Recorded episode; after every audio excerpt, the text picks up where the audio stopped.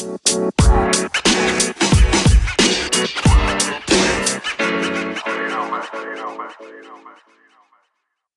aku Berry. Kita ada di podcast Lemon Berry. Um, welcome to season 2, episode 1. Sayangnya sebetulnya kali ini Lemon masih belum bisa join karena ya biasalah ya uh, sibuk gitu Lemonnya. Jadi Berry di sini tapi nggak sendiri karena Berry bersama teman-teman dulu rekan kerja di salah satu company teknologi di Silicon Valley gitu dan mungkin kenalan dulu kali dari yang paling dewasa abang-abang yang paling dewasa pasti nggak dong siapa uh, abang Husen disebutin aja deh namanya oke okay. okay. uh, eh, kenalin uh, gua eh kenalin dulu buat uh, para pendengar setianya Leomon Berry ya iya ya uh, kenalin nama gua Husen uh, saat ini kerja sebagai salah satu programmer di salah satu perusahaan teknologi uh, tempat disebut enggak di Tangerang. Oke. Okay. Okay. Uh, terus kurang lebih uh, sudah berkarir sebagai programmer kurang lebih hampir jalan dua tahun lah. Mantap. Itu sih kenalannya. Oke. Okay. Cukup ya? Oh cukup dong, nggak usah lama-lama. Oke, okay. thank you, Abang Husen. Selanjutnya ke ini deh, ke Mas Erik. Ya, halo pendengar Lemon Berry. Perkenalkan saya Erik Frandika. Asal saya itu dari Sumatera Selatan, bekerja di perusahaan IT, bagian developer hampir sama seperti yang didengar tadi seperti Bang Husen itu bekerja di salah satu perusahaan IT di Tangerang. Oke, itu aja. Oke, uh, Sumatera Selatan bagian mana nih, Bang? Uh, Muara Enim. Oke. Okay. Mungkin ya sedikit tidak mendengar lah ya di mana tempatnya. Terkenal tahu itu. Oke. Okay. Iya. Thank you. Selanjutnya nih dari uh, jarang sih ya cewek programmer. Ini nih senang banget nih Habibah bisa join. Boleh kenal dulu dong. Oke, ketawain lagi. Ya halo semuanya, aku Habibah aku sekarang kerja jadi salah satu developer di salah satu perusahaan IT di Tangerang juga. Terus aku kurang lebih baru satu tahun sih kenal dunia coding dan coba jadi programmer. Mm-hmm. Satu tahun. Oke, okay. thank you. Uh, selanjutnya nih ada yang baru join roomnya nih. Silo, pengen kenalan dong. Iya, iya, iya. Kedengeran, kedengeran. Maaf baru join. Oh, nggak apa-apa. Bukan kuliah nih, nggak apa-apa. Kedengeran, kedengeran. Mm-mm. Suaranya kedengeran kan? Betul, iya, betul, iya, betul. iya. Kenalin nama nama saya Sila Mardadi. Uh, saya juga bekerja di apa perusahaan IT, khususnya sebagai seorang programmer. Kalau saya di dunia IT cukup cukup lama gitu karena memang kuliah juga di IT dan sekarang tinggal posisi di Bogor. Okay. Itu mungkin. Um, sebenarnya nih, karena aku ngajak teman-teman yang ngajak-ngajak teman berempat nih, um, Silo, Habibah, uh, Bang Husen sama Erik. Kita kan dulu tuh pernah ikut sebuah lembaga lah yang mengadakan bootcamp bareng-bareng. Nah, motivasi aku undang Habibah ini kan sebenarnya karena satu dari dari dikit banget populasi cewek yang merambah sebagai programmer. Terus Silo sebagai sebagai bintang kelas lah. Dan aku undang uh, Erik sama Bang itu karena sama-sama ya, tim remedial gitu. terima kasih. Makasih pujiannya. Jadi kayak aku tuh merasa pengen ketika aku ngobrol sama Habibah sama Silo, aku tuh merasa kayak pengen punya teman gitu yang yang itu, ngerti gak sih? Iya, yang sama-sama jago. Iya. Oke. Okay. Nah, tapi kan uh, maksudnya sekarang itu enggak nggak sih kayak uh, kerjaan programmer, developer gitu, di mana-mana kayak beras tumpah. Jadi kayak ya mau kuliah apa pun ikut bootcamp bisa dong langsung jadi programmer. Walaupun memang gimana ya uh, prosesnya pasti nggak mudah karena ya perkenalan bahasa pemrograman gitu kan juga butuh effort gitu. Nah tapi penasaran deh sama siapa dulu nih, sama Erik deh.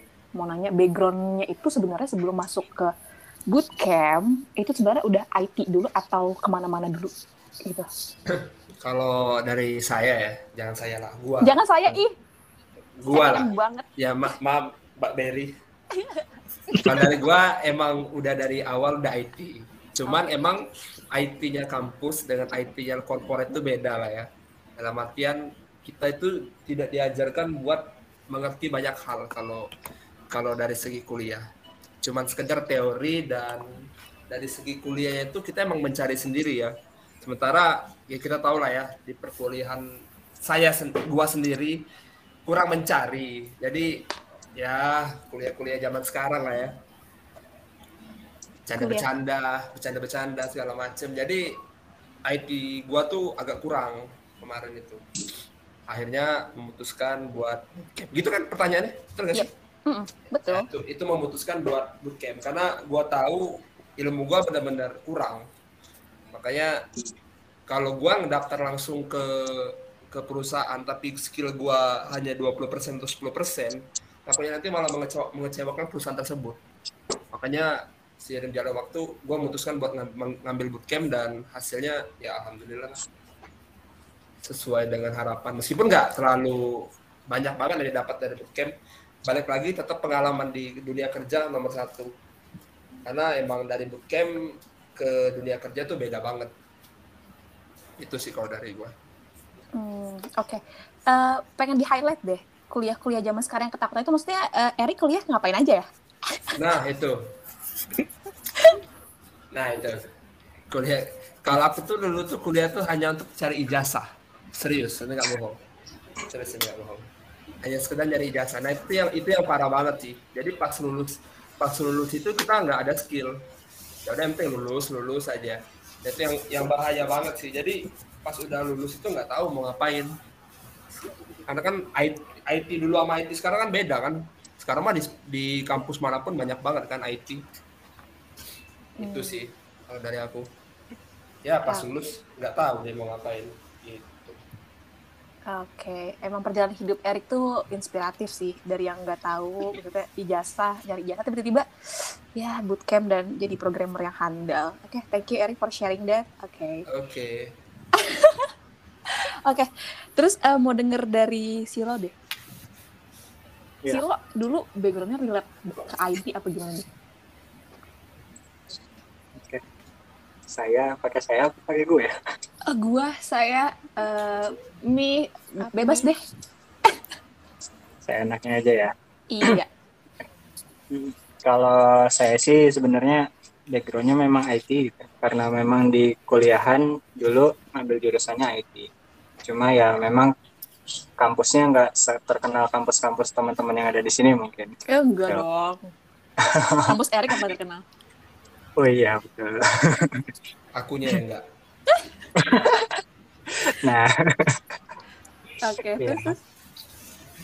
nah terus ya mungkin agak nyambung gitu ya kalau memang dengan pekerjaan. Karena eh, memang dulu juga meng- apa benar kata Erik gitu ya kalau di kuliahan itu mungkin diajarinnya cuma fundamental doang gitu ya. Cuma dasarnya aja mungkin ya, dasar teorinya nah selebihnya memang kita sendiri yang harus mengembangkan gitu ya makanya kemarin sempat sempat juga belajar belajar sendiri gitu dan akhirnya eh, pengen nih ikut bootcamp gitu ya sama-sama ketemu kalian semua gitu ya yang ada di sini akhirnya nah ya alhamdulillah sih punya pengalaman baru gitu ya punya pengalaman baru terus juga eh, banyak juga ilmu yang didapatkan di bootcamp sih. gitu. Meskipun ya tadi gitu memang pengalaman kerja yang paling utama betul Gitu. Hmm. Itu sih dan saya juga kan eh, memang alhamdulillahnya mungkin nggak itu ya nggak cuma kuliah nyari nyari jasa tapi ya kuliah nyari pengalaman juga gitu ya. Kok agak Jadi alhamdulillah udah udah sudah tersadarkan duluan lebih dulu daripada Mas Erik nih. Oke. Terbukti, sih.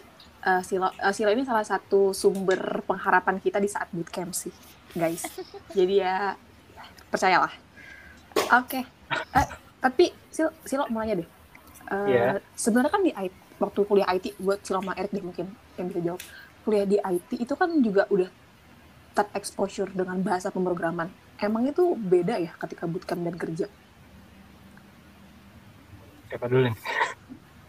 bebas mau sweet dulu boleh Silo, silo, silo, silo, silo, silo. ya gimana ya? Pasti ada perbedaannya sih antara dunia pendidikan dan dunia. Salah satunya eh, kita trial dan errornya itu lebih enak di dunia pendidikan sebenarnya daripada di, di kerjaan gitu ya. Karena kalau di kerjaan kan kita dituntut dengan amanah amanah yang lebih besar ya. Karena kita juga dibayar. Tapi kalau misalkan di pendidikan kan itu labnya kita gitu, emang laboratoriumnya kita untuk nyoba-nyoba gitu lah. Hmm, oke.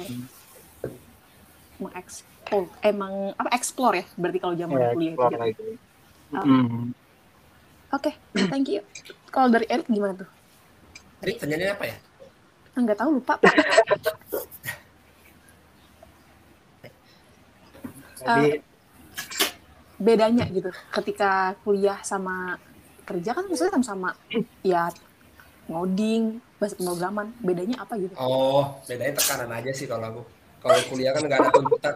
Kalau di kuliah sih nggak ada tuntutan ya. Mau bisa mau enggak, mau lulus mau enggak. Kalau di kantor kan ada tuntutan. Itu aja. Hmm, jadi masa dituntut nih sekarang. Yoi, Ya. iyalah. Mau kerja nih. Kita mau gaji kalau bahasanya kan. Kita mau gaji ya. Perusahaan juga mau hasil kan kalau bahasanya. Ya mau nggak mau kita harus bisa. Ya, mutualisme lah ya. Oke. Eh, eh, di sini nih ada programmer cewek nih. Habibah. Eh, Habibah sendiri itu kuliahnya eh, udah ngoding dan atau mungkin relate nggak sih sama IT? Kalau aku hmm, kebetulan nggak sama sekali relate sih. Aku kuliahnya fisika kebetulan. Aku lulusan fisika. Hmm, Terus sampai akhirnya mutusin buat masuk ke dunia IT tuh karena tadi benar sih kata-kata Berry pas awal kayak lowongan bootcamp sekarang tuh lebih banyak daripada lowongan kerjaan lulusan fisika. wow. Wow. Oke. akhirnya nyasar. pertengahan ya itu kan lagi pandemi tuh agak sulit kan untuk cari kerjaan terus lihat teman-teman aku yang udah kerja rata-rata semua di dunia IT terus aku bingung kan kayak kok kalian bisa sih masuk IT gitu. terus mereka iya ikut bootcamp akhirnya aku beralih tuh dari cari-cari lowongan kerja aku cari lowongan-lowongan bootcamp sampai akhirnya masuk ke satu bootcamp yang sama sama kalian semua di sini Wow.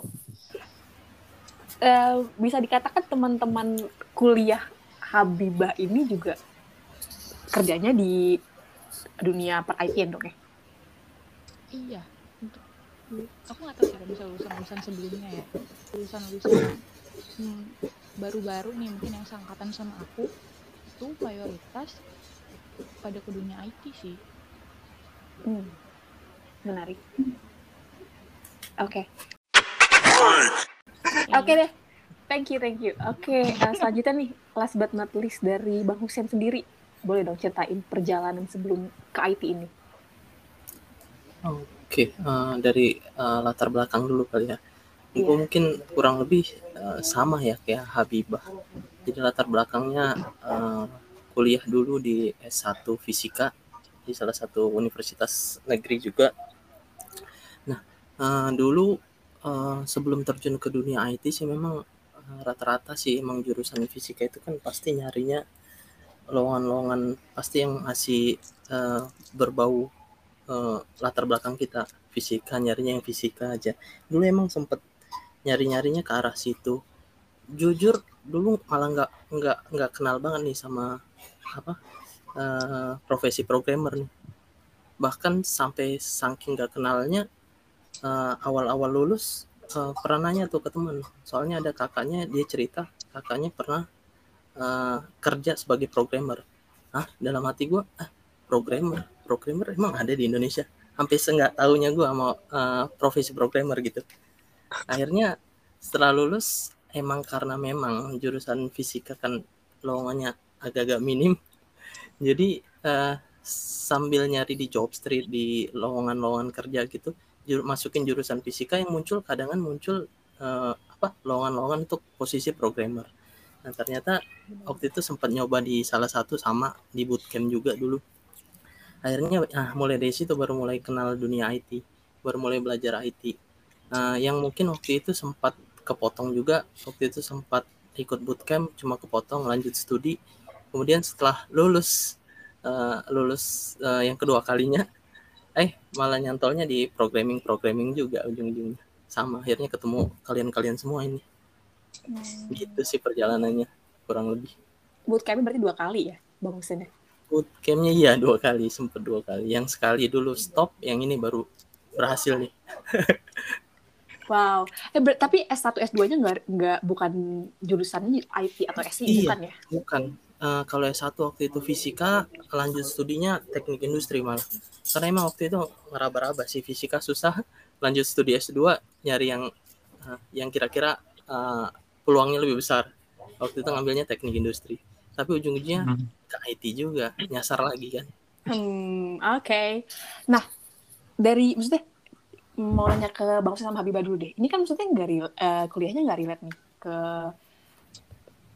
perkodingan. Dan biasanya ya, biasanya nih orang kuliah tadi bener kuliah fisika lulus lulus pengen pengen kerjanya di bidang fisika. Misalnya kul orang kuliah elektro pengen nyari tuh ya relate lah sama elektro. Nah, kalian sendiri di titik ini ya kita nggak tahu nih entah besok besok atau minggu selanjutnya kalian sendiri di titik ini udah uh, interest nggak sih di IT? Kalau misal udah itu prosesnya gimana tuh? Mungkin dari siapa deh, siapa Habibah? Dari Bibah dulu. Dari aku dulu. Um, sebenarnya bisa udah dibilang udah udah interest atau belum ya ke dunia coding? Mm -mm. Kalau sampai sekarang sih uh, interest untuk menyukai ini sebagai pekerjaan dan akan terus terus terus gitu kayak aku belum kebayang sih. Sekarang aku mikirnya kayak aku masih belajar nih. Aku nggak tahu ada di titik yang menerima dunia coding ini sebagai oh oke okay, mantep gue akan bekerja ini seumur hidup gue. Tuh belum belum sampai ke titik itu sih aku masih belajar beneran ini hal yang baru banget sih menurut aku dan sampai sekarang aku masih ada titik yang aku mau belajar lagi belajar lagi belajar lagi gitu Ah, Oke, okay. tapi sejauh ini enjoy ya kali ya? Uh, karena ini menyangkut pekerjaan, jadi aku terima-terima aja.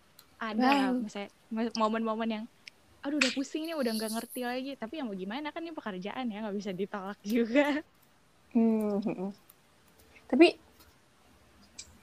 uh, kalau untuk compare nih, ilmu IT dan ilmu fisika yang mana sih kayak merasa wah this is my place gitu? Hmm, dua-duanya susah ya. Iya pertanyaannya berat ya bu. Mungkin beda kali ya. Kalau misalnya fisika kan itu pas kuliah. Kayak tadi si lo sama Erik kuliah IT sama pas pekerja bekerja di dunia IT pun ada perbedaan. Di fisika apalagi fisika nih belajar susah banget. Tapi untuk lebih mengerti lebih cepat pahamnya mungkin ya lebih cepat menerima pengetahuan barunya mungkin lebih di bidang IT karena mungkin aku langsung mengaplikasikan mengaplikasikannya di dunia kerja kali ya. Jadi mungkin lebih mudah dipahami yang IT-nya hmm. Oke okay. oke okay. thank you uh, dari bang Husen sih bang Husen maksudnya ini udah kuliah S1, kuliah S2, dua kali bootcamp, itu udah apa ya, udah menemukan ini nih minat aku nih kayak gitu. Atau kayak masih mencari-cari? Hmm, kalau untuk saat ini sih, untuk sejauh ini sih, gue udah kayak ngerasa gue cocok sih, cocok sih untuk di bidang IT juga, sama uh, enjoy juga ngejalaninnya buat nge-solve nge-solve programming. Untuk sejauh ini sih cocok sih. Cuma nggak tahu ntar ya. Eh, belum kebayang sih berapa mungkin bukan berapa tahun ke depan tapi berapa belas tahun mungkin ke depan. Nggak tahu. Cuma kalau untuk saat ini oke sih untuk profesi programmer. Untuk jadi Hmm. profesi tetap ke depan. Iya sih bang. Eh bang btw mau nanya deh, kan misalnya S1 nya fisika, S2 nya teknik industri. Ini nanya ya, kalau misalnya di saat kerja ada nggak sih kayak mungkin entah soft skillnya yang sering kepake di kuliah duanya itu yang juga kepake ketika kerja ini. Mungkin. Eh, untuk kalau dari eh, bidang fisika sih mungkin nggak nggak ada ya lebih Hmm. ke mungkin dulu pernah belajar beberapa bahasa pemrograman juga tapi itu mungkin cuma basic banget sih. Masalah logik gitu-gitu. Cuma untuk aplikasinya ke dunia kerja sendiri kalau dari bidang fisika ke IT kayaknya jauh sih nggak ada. Cuma kalau yang untuk yang teknik industri mungkin eh, lebih ke konsep sih. Konsep eh, kebetulan juga kan kerjanya di bidang IT yang bergerak di aplikasi eh, manajemen distribusi eh, sistem gitu kan. Jadi eh, beberapa istilah-istilah kayak eh, di dunia eh, distribusi gitu-gitu kan sering juga dipelajari waktu itu di kuliah eh, teknik industri. Jadi sedikit banyaknya sih ada yang nyambung ya kalau dari teknik industri. Karena bidang bidang perusahaannya juga eh, di arah eh, di situ tadi di kayak manajemen distribusi lah ke manufaktur gitu kita lebih nyambungnya sih ke ke arah situ sih pengetahuan-pengetahuan umumnya sih Hmm. Oke oke. Jadi sebenarnya pengalaman-pengalaman kuliahnya juga bisa kepake sih buat kerja ya. Eh, yes, kalau itu sih ya untuk soft skill untuk eh, berkomunikasi dengan orang sih kayaknya umum sih pasti kepake sih. Hmm, oke oke. Em, mau nanya Silo deh. Silo kan kuliahnya IT, terus kayak pas kuliah juga udah sibuk em, megang project sana sini. Ini kalau misalnya kita dengar kayak gitu, oh yang jangan sebelum kuliah Silo udah menemukan minatnya di dunia coding. Itu gimana tuh? ya apa ya lebih ke ini sih kalau kalau di kerjaan programmer itu kan sebenarnya intinya kan solving sebuah masalah ya. Hmm. gimana cari nyara cari cari cara untuk apa ngatasin masalahnya itu itu algoritmanya kayak gimana. Lebih ke situ sih senengnya. Kayak wah ini misteri nih yang harus dipecahin gitu. Kayak gitu sih. Kayak ini gimana cara ngodingnya? Ini gimana cara jadinya? Kayak gini gimana? Kayak gitu sih. Senangnya di situ gitu. Karena dulu juga kan eh, SMK itu pernah pernah jadi SMK itu jurusannya sekolah itu dulu teknik komputer jaringan. Dan itu ya mirip-mirip gitu sih ada masalah dan harus disolving dengan eh, ilmu pengetahuan yang kita punya kayak gitu sih lebih senang di situnya pemecahan masalahnya Hmm, Tuh, Mbak Mbak Berry. eh, BTW berarti SMK kuliah berarti sebenarnya udah tujuh tahun lebih gak sih? ya bergelut di maksudnya kalau di dunia komputer gitu ya. Iya. Karena antara jaringan dan programmer kan ada beda-bedanya dikit lah. Gitu. Ya betul sih. Jadi tujuh tahun mungkin. Mungkin bahkan waktu SMP pun sempat-sempat apa les-les komputer gitu. Cuma Wow. Microsoft dan lain-lain. Wow. Gitu. Oke, waktu SMP uh, BTW aku baru bisa merge cells uh, table, oke? Wow, Ya sama sih, sama. fans ya Pak. Oke, uh, tapi nih dari kata Silo bilang uh, ketika ngoding itu ada keseruan ketika ada satu case masalah uh, Mm. yang harus dipe- harus dipecahkan dengan coding dan itu tuh butuh logic untuk butuh mikir lah inti istilahnya bukan Mm. kerja yang bisa kita sambil dengerin Spotify eh, keras-keras terus udah dengerin terus kayak ngetik-ketik gitu tapi harus ada satu titik yang kita mikir banget supaya itu pasca ter- terselesaikan itu jadi satu apa ya satisfying gitu. Itu yang menurut Silo em, sesuatu yang menyenangkan di programming atau mungkin ada lagi hal-hal lain? Iya, itu sih sebenarnya. Karena kalau kayak kayak kerjaan saat ini gitu ya, ketika satu ketemu satu masalah baru terus di solving besoknya ketemu kerjaan yang sama gitu ya dengan case yang sama kadang-kadang kerjanya agak-agak gimana gitu agak-agak oh Bener ya? udah tahu nih ya terus yang kerjanya seadanya gitu kadang-kadang malah ketiduran gitu Wow. Wow. Oke. itu sih kalau teman-teman yang seruangan sama saya mungkin tahu gitu ya kadang-kadang suka ketiduran di kantor Hmm. Ngerjain yang kadang-kadang monoton gitu Itu sih. ya betul betul Oh. kan ya bang iya Bang Hussein. Ah, BTW Bang, em, Iya. setuju nggak sih kalau misalnya eh, yang menarik dari programming itu, itu tadi salah satunya harus mikir banget supaya bisa memecahkan sebuah masalah, atau mungkin ada hal lain kayak misalnya ya jam kerja fleksibel, begadang dan lain-lain. Eh, kalau sama Silo tadi sih sependapat sih. Soalnya dari eh, yang gue suka dari programmer itu yang tadi eh, ketika ada satu eh, problem, satu eh, satu masalah yang harus kita pecahkan dengan eh, logik logika kita sendiri itu ada satu kepuasan sendiri ketika lu berhasil nyelesain itu gitu. Dan itu menurut gue itu satu hal yang yang menarik sih dari eh, dunia programming juga. Walaupun terkadang eh, untuk mencapai untuk nge-solve-nya itu butuh butuh effort dan kadang sampai pusing sih. Cuma ketika lu udah bisa nih dikasih tas dan itu sulit menurut lu pribadi, terus lu bisa nyelesain itu, itu ada satu kepuasan. Eh, gue bisa nih, gue keren banget nih. Gitu sih.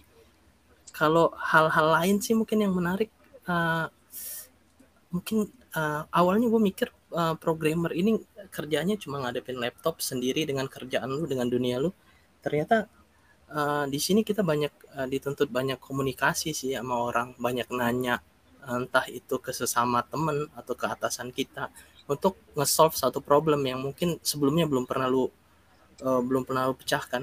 Nah di situ eh, ada interaksi antar sesama rekan kerja ke atasan eh, saling bantu. Itu itu itu juga yang hal yang menarik sih menurut gue di dunia programmer. Hmm. Iya, Oh. betul banget. Oke, Eh, oh, jadi sebenarnya ngobrol juga ya. Soalnya kan biasanya ya yang divisualisasikan oleh media atau film programmer itu yang pakai hoodie, tutup tutup apa kupluknya, terus kayak diem ngeliatin kayak hacker laptop. gitu kan Iya, terus nggak ngobrol gitu. laptopnya nyala kan Nah, iya.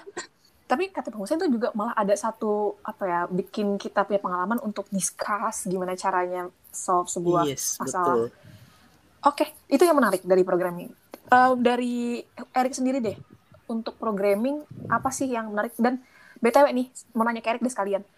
Tadi Bang Hussein bilang eh, ngobrol segala macam programmer, tapi yang Ya, halo, aku lihat halo, ya, halo, halo, mungkin halo. da- aduh, halo halo lagi dia kayak lagi di mana coba? Kayak lagi nyari sinyal di atas tower. Ya udah, boleh deh ke Habibah dulu aja.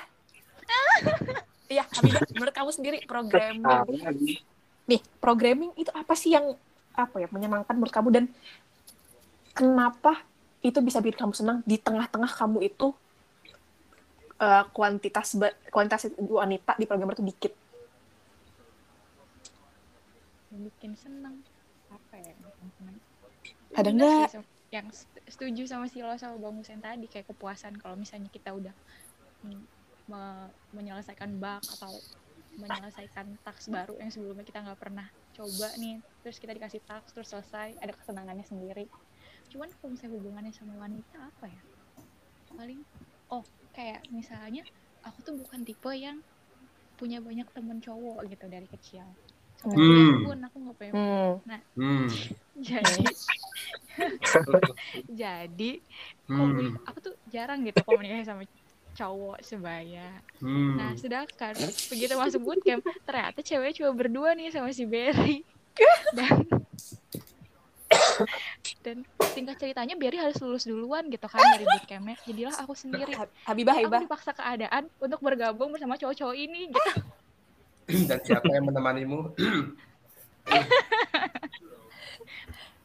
akhirnya muncul muncul penyelamat bernama Erik Vandika yang, Oke. yang bertanya kamu ada kesulitan di mana iya mantap eh em, btw buat pendengar mau disclaimer ya. Uh, BRI itu bukan lulus lebih dulu, tapi didepak dari bootcamp. Karena kemampuannya lebih maksimal dan lebih Iya, jadi dibutuhkan. Iya Aduh, betul. si Berry kayaknya kalau ikutin ikutin teman-teman si bootcamp kok Berry sih kayak lebih lebih dibutuhin di lini lain Ya, makanya betul. segera ditarik keluar tidak mau menunggu. Eh, ah, terus sih aku aku aku aku sensor. Eh, eh, tolong disensor Tadi aku sensor sensor beneran. Ya. Kayak tolong gitu jadi disensor kita dari Traveloka ya Sebenarnya kita e-commerce warna hijau. Oke. Em, jadi kayak apa ya? Sebenarnya waktu aku bootcamp barang kalian tuh kayak ngerasa kok teman-teman fase atau ritme belajarnya pelan banget. Jadi kayak aku ngerasa this is not me, this is not my place. Kayak aku tuh pengen belajar dengan cepat ritmenya. Aku pengen absorb every every knowledge about IT semua bahasa pemrograman. Jadi kayak oke, aku memutuskan untuk no, this is not this is not my place. Sorry ya guys. Anaknya bacot banget. Ya, emang perusahaan lagi butuh tris banget di saat tris lagi pengen. Berry, berry, berry. Oh iya, Gak, gak ada ya tuh sini. Oke. triseri, triseri. Dari Erik sendiri. Ya, betul. Programming apa yang disuka? Apa? Dari programming apa yang disuka? Ngodingnya lah, apalagi. Wow. Uangnya, Rik. Apa? Uangnya. Uangnya Cuannya. nomor dua lah ya kalau kata podcast-podcast itu. Oh, iya. Kata podcast yang idealis. Kalau suka kalau kita ngodingnya kalau kita. Enggak, enggak. Kal. Tantangannya sih. Bener kata Silo tuh kalau ada suatu masalah kita bisa nge-solve sendiri tuh rasanya kayak satisfying gitu loh kalau bahasa-bahasa sekarang itu. Bener, bener banget. Iya, bahasa sekarang. Eh tapi by the way setuju gak sih ini agak-agak stereotype gitu. Kan kalian kan programmer, kalian bisa mematahkannya gitu dengan podcast ini. Siapa tahu ini viral. Menurut kalian podcast eh, podcast lagi. Menurut kalian programmer programmer itu programmer Batak sekali ya, Bu. Programmer, akhirnya programmer siap. iya Berry Cak Mano. Salah itu muara ini, Bu. Itu Palembang, beda. Kan sama-sama Podcast sama Amal, beda. Oke, Amal BTW itu salah satu teman kita yang gak diajak ya karena kita tuh eksklusif banget, jadi kita pilih-pilih temen. Oke, Amal kalau denger ini, you are not in our circle. Oke. Jadi stereotype wibu, nerd, introvert itu bener nggak? Nah, diem, udah kayak ini Diem. menghinakan Tapi kalau wibu aku setuju sih. diem ini wibu atau apa ya Nggak, aku setuju kalau wibu. Kenapa tuh? Wibu. Wibu. Banyak banget. Karena Ya, ada sih. eh, aku aku langganan mendengarkan mereka cerita tentang Boruto lah, Naruto lah. Apa lagi yang mereka ceritain? Semua, semua per anime-animan aku dengerin mereka dari bootcamp. Boruto, Naruto. Oke, oke.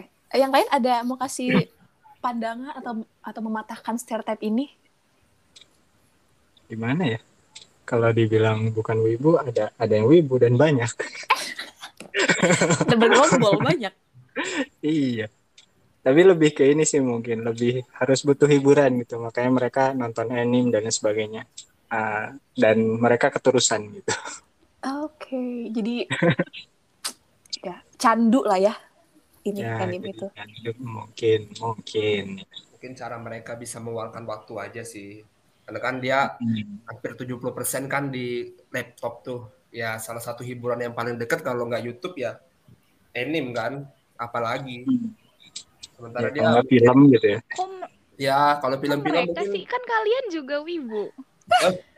enggak ya eh tontonan aku mah Kok Biba tahu kan history bahasanya? iya Biba tahu kan history laptopku apa aja isinya mana ada Bibu Oh, oke, oke. Eh, ke Bang Husen deh, Bang Husen. Bang Husen sendiri wibu apa enggak? waduh anti wibu ya Wibu Enggak, banget kalau nih Bang Upin. programmer identik dengan apa dunia perwibuan gamers kayaknya enggak juga sih. Itu kembali lagi ke orangnya sih kalau menurut gue ya. Soalnya asli du- dulu waktu gue ikut bootcamp di eh, kelas. Oke. Kelas dulu dulu bener-beneran gue masuk itu asli itu wibu semua tuh isinya. Sampai Hmm. kayak ada yang seharian lagi dijelasin pelajaran bootcamp dia nonton anime apa segala macam. Itu banyak banget sih. Wibu gamer. Cuma dari dulu gue nggak pernah beranggapan bahwa programmer identik gitu dengan wibu kayaknya kebanyakan wibu aja yang suka berprofesi sebagai programmer kali ya. Waduh. Dibalik, Ganti domain ke domain. dibalik. Bukan Yo, programmer yang kebanyakan wibu tapi ibu mungkin yang mencari profesi yang ah yang gampang nih yang depan laptop nih. Programmer ah kali ya Eh, bisa, menurut bisa. gue ya Gak suka gaya lu. Orang akuntansi pun juga wibu ya. Karena kan sering ngitung-ngitung di depan Excel ya. ya Tuh. ya. Iya, logik juga sih Iya. itu. bener nggak cuma di programmer kok wibu wibu is everywhere Eh, disclaimer kita Populasi wibu udah mayoritas ya. kita nggak mendegradasi ap- apa ya satu komunitas ya, cuman kayak temanya jadi wibu nih Iya. Jadi sebenarnya eh, sebenarnya nggak ada masalah sih, cuman kayak perasaan aja gitu ternyata. Oke oke. Em, terus nih mau nanya kan teman-teman sekarang mungkin divisi yang berbeda nih sama aku juga divisi yang berbeda. Oke. Em, kalian sendiri ini punya bahasa pem- pemrograman masing-masing atau gimana tuh? Dari siapa deh? Erik dulu deh. Ya, kalau aku Java sih. Kalau front end-nya JSP. Kayaknya beda sendirian ya aku. Japa ya, Java ya. Java. Back end-nya Java, Japa. front end-nya JSP. Java Servlet. Hmm. Ya, Oke, kalau dari siapa nih? Dari Habibah.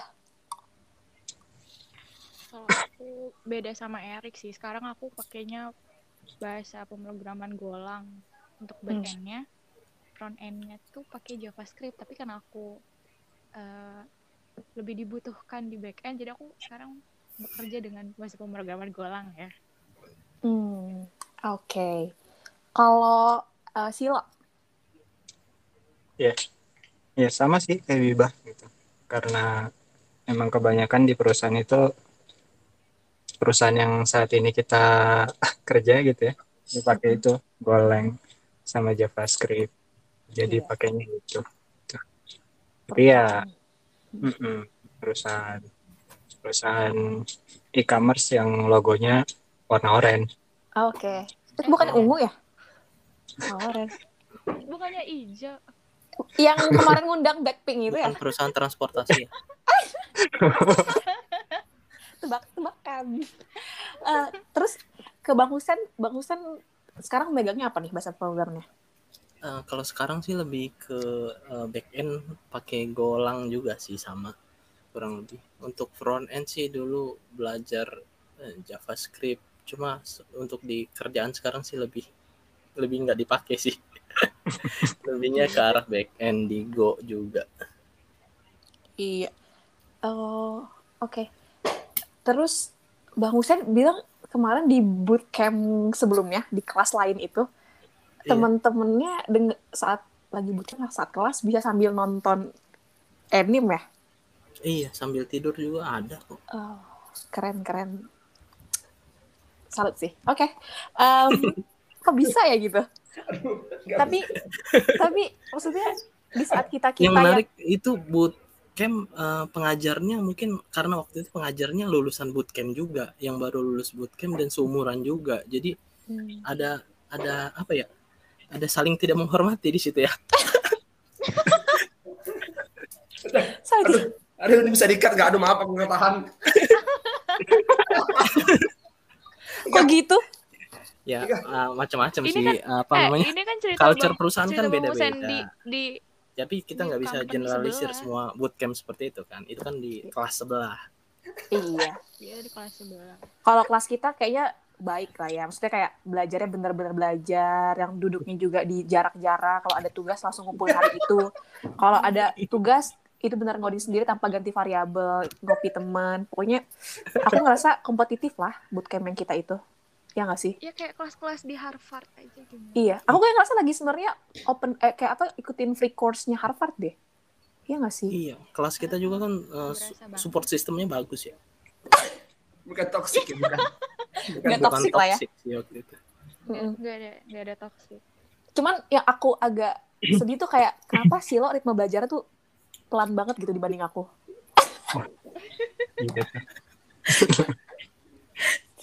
Lo nggak tahu diri banget jadi yang diajarin. ya, cuman aku seneng sih ngeliat teman-teman saat eh, prabut camp walaupun yang remedial cuma dikit tapi senang banget saat database dan front end ya yang remedial banyak jadi aku masa punya banyak teman gitu. Thank you guys. Iya, sama-sama.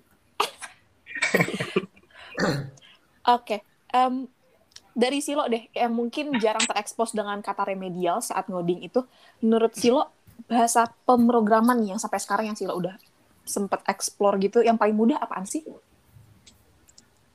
Eh, apa ya? Sebenarnya saya sempat ini ya remedial waktu database nemenin Trix. Saya juga sih Pak waktu itu barengan. wow. Ya kalau bahasa pemrograman yang mudah nggak ada yang mudah ya kayaknya. Wow. Oh iya. Iya susah semua kayaknya. Tapi ya yang penting kan kita tahu konsepnya gitu ya.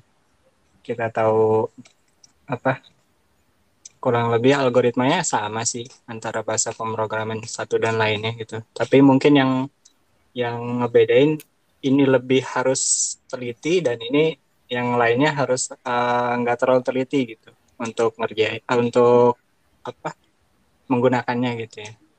Itu sih kalau yang mudah nggak ada sih butuh effort semua buat belajar. Hmm. Oke, oke.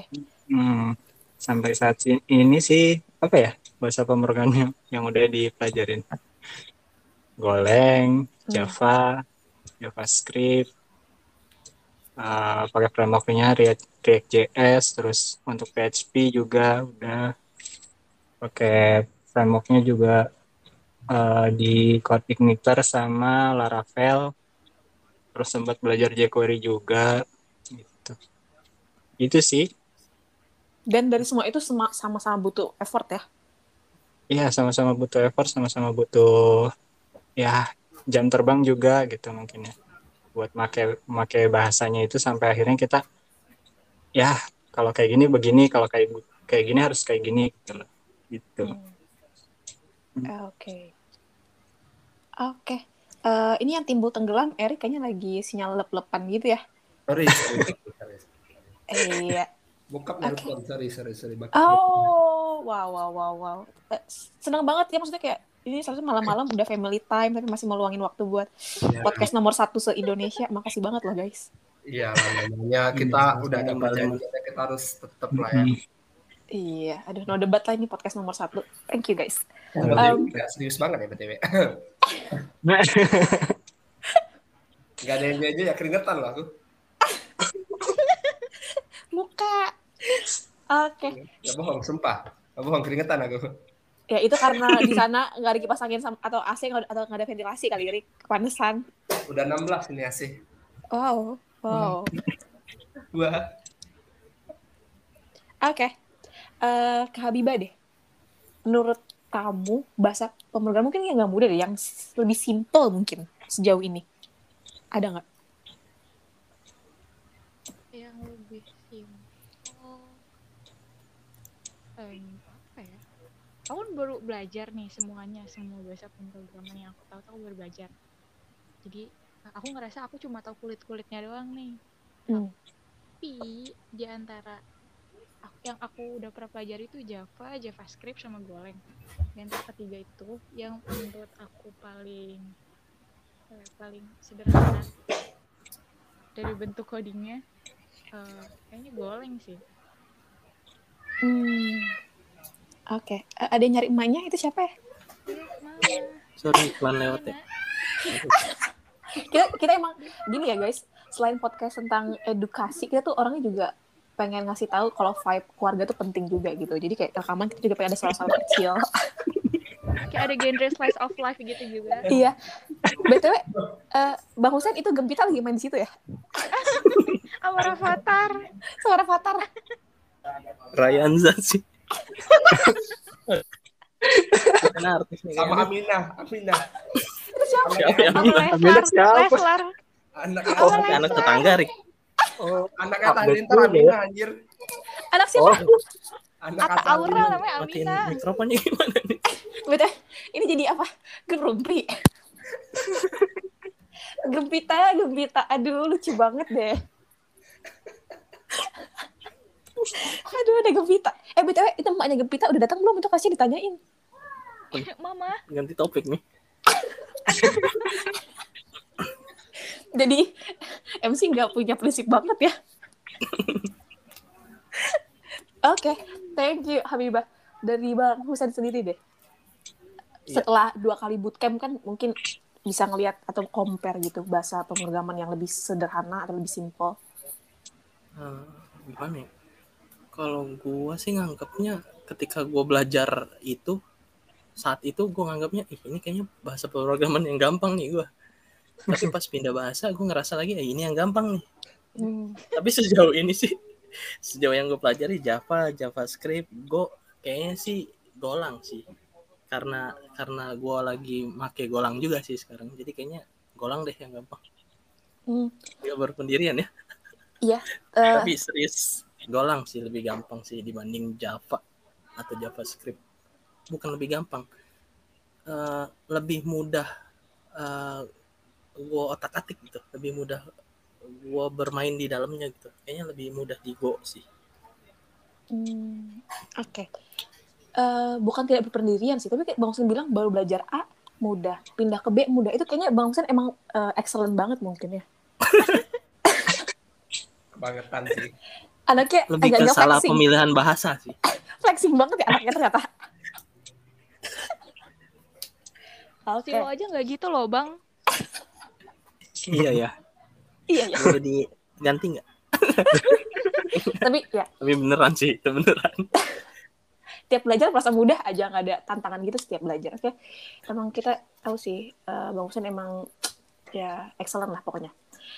Oke. hmm, terus nih, eh, biasanya ya, biasanya, ini stereotype juga, kita mau mengangkat ini ke ranah publik gitu. QA dan programmer tidak akur. Apakah itu betul? Wow, lucu sekali itu. Game kita.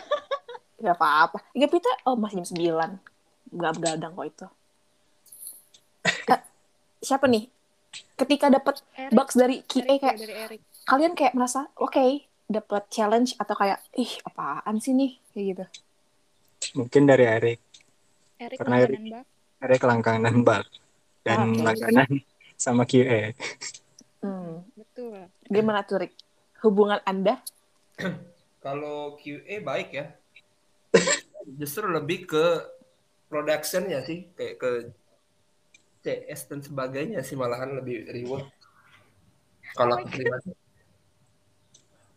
Eh, dikat dong masa CS gue sebut anjir. Jangan. jangan, lu jangan bawa-bawa CS. Gak apa-apa, ntar aku, ntar aku Cut, itu cut ya. tit Cut ya. gitu. Lebih ke lebih ke productionnya sih. Kalau ke QA aku berteman baik. QA, BA, tim-tim yang ngebantu aku dalam ngedevelop itu temanku semua. Wow. Serius, serius ini nggak bohong. Karena kalau udah berhubungan dengan production, ya itu siap-siap aja. Aneh-aneh, aneh-aneh baknya karena kan bug yang dari aku kerjain tuh bukan jarang ya, bug dari internal udah bener-bener dari eksternal. Jadi udah udah bener-bener bug yang udah digunain gitu kan. Jadi ya aneh-aneh.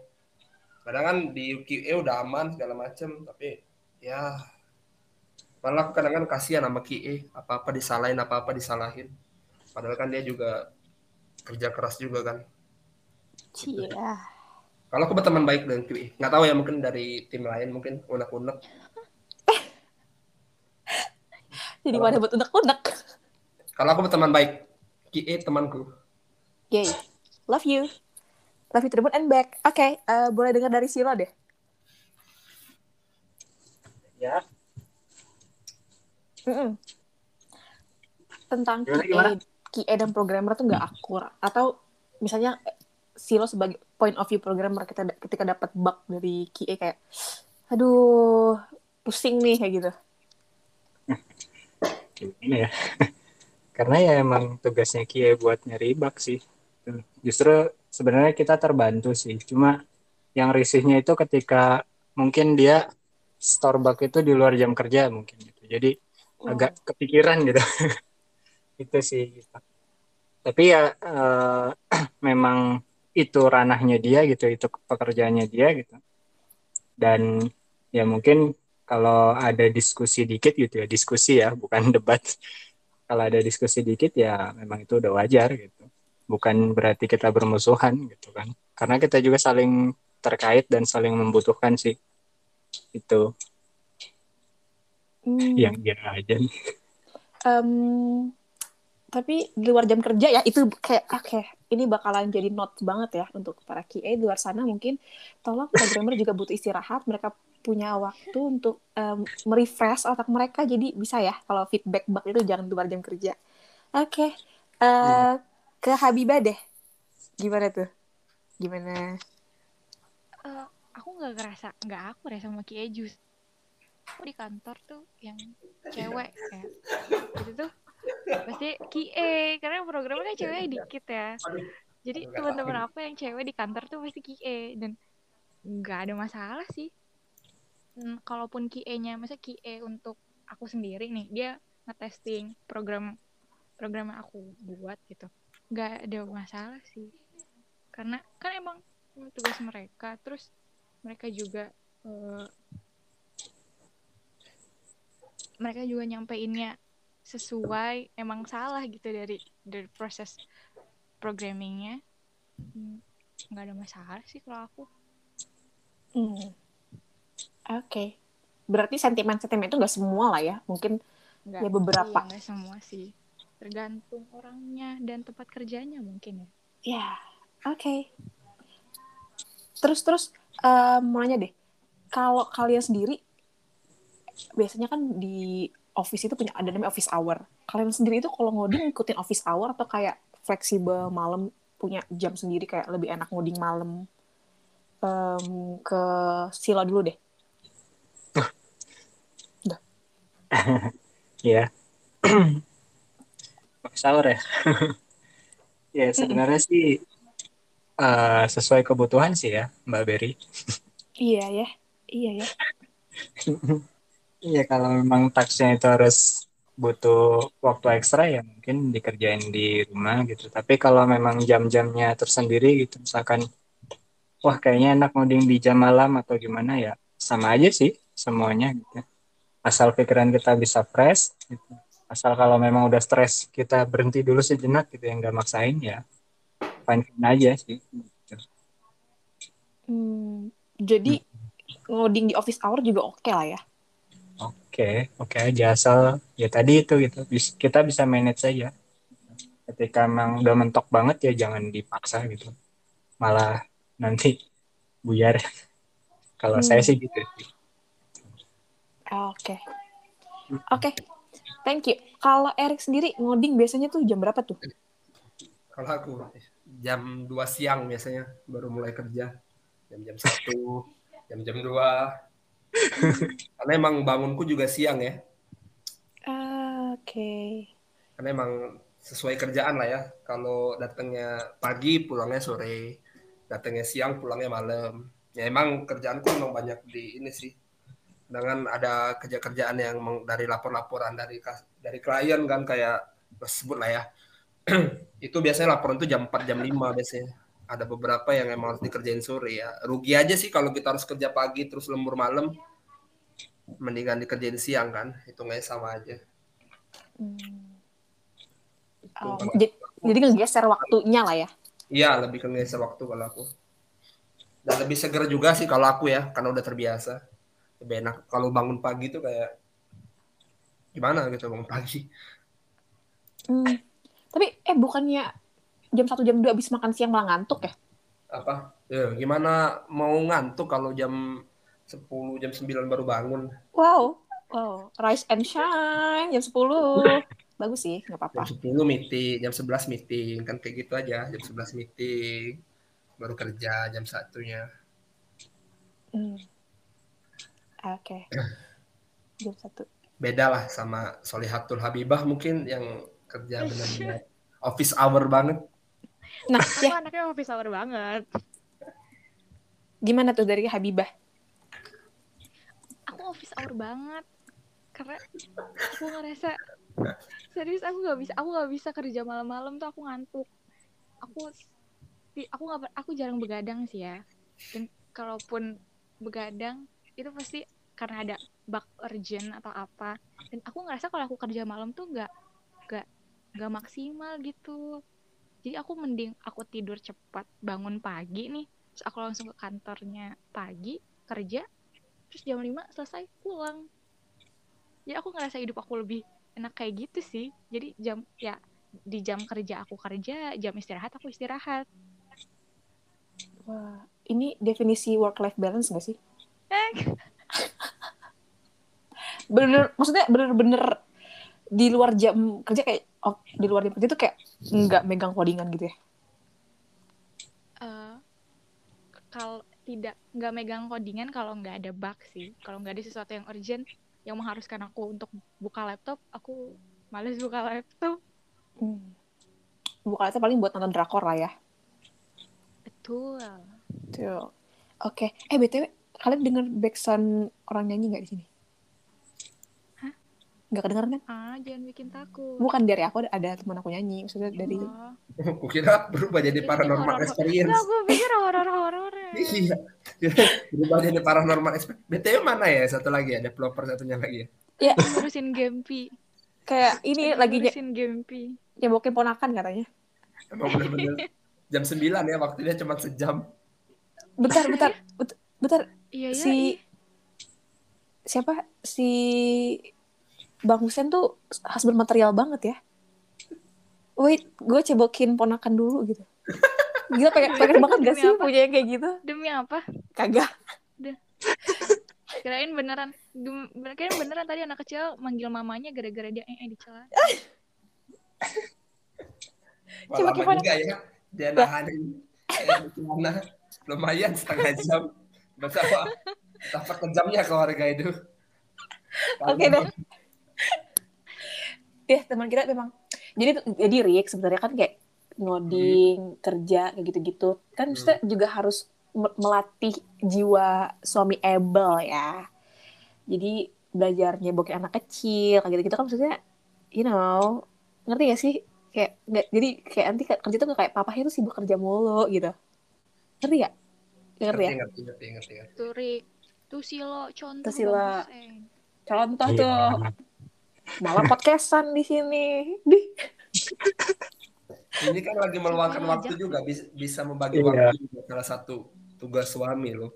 Iya. Ah, Oh my god. betul. Husband material waktu. banget. Wow. Iya. Wow, bisa meluangkan waktu. Oke. Ih, wow. Nah, mau nanya deh. Eh, ini pertanyaan final sambil nunggu Bang Husen balik. Eh, kalian setuju nggak sih? Ini dari hati kalian paling dalam dan paling sensitif.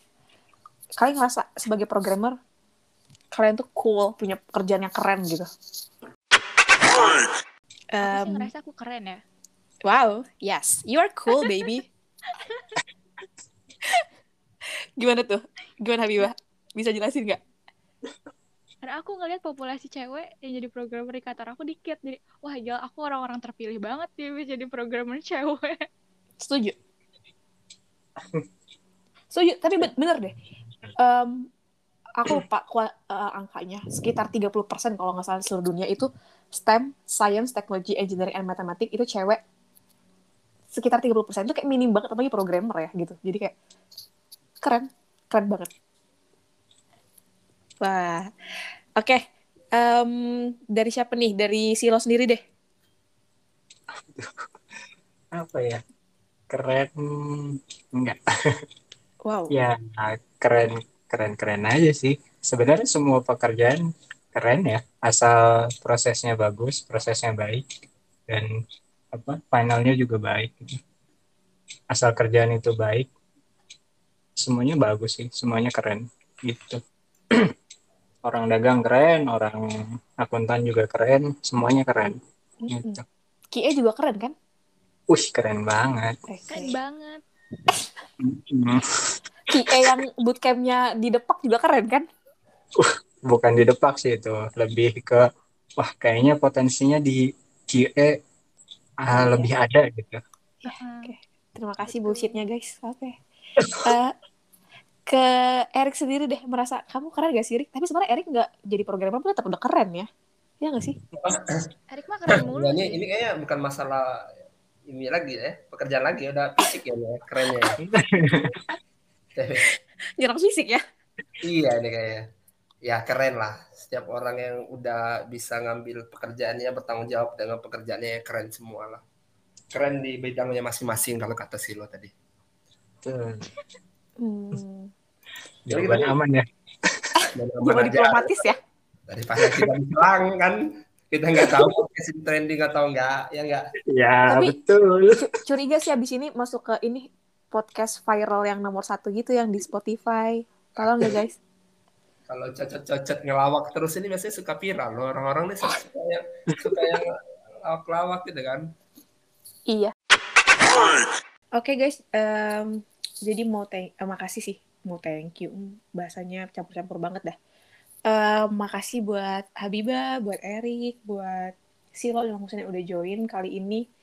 Ya, seperti itulah suka duka menjadi programmer. Mungkin ada yang bilang itu keren, ada yang bilang itu stereotipnya wibu, ada yang bilang eh, enggak apa ya, ada yang bilang itu enggak akur sama QA, tapi sebenarnya programmer itu di mana-mana sekarang karena ya arah industri udah digital dan mungkin siapa pun background apa pun kuliahnya dan sebenarnya SMK lulus SMK pun kayaknya SD mungkin ada kali ya. Lulusan SD yang udah bertahun-tahun gak kuliah. Eh gak, gak SMP SMP gak SMA gak tahu deh. Mungkin bisa juga karena yang penting bisa dilatih. Dan banyak juga source open source bisa belajar. Dan itu sih eh, sharing dari teman-teman kali ini. Thank you buat eh, Habibah dan Erik yang masih stay. Eh, untuk Silo dan Bang Husen kita nggak temenan ya karena mereka udah live duluan. Oke, okay, kalau gitu uh, aku beri pamit, Habibah dan Erik juga pamit. Bye. pamit. bye. bye.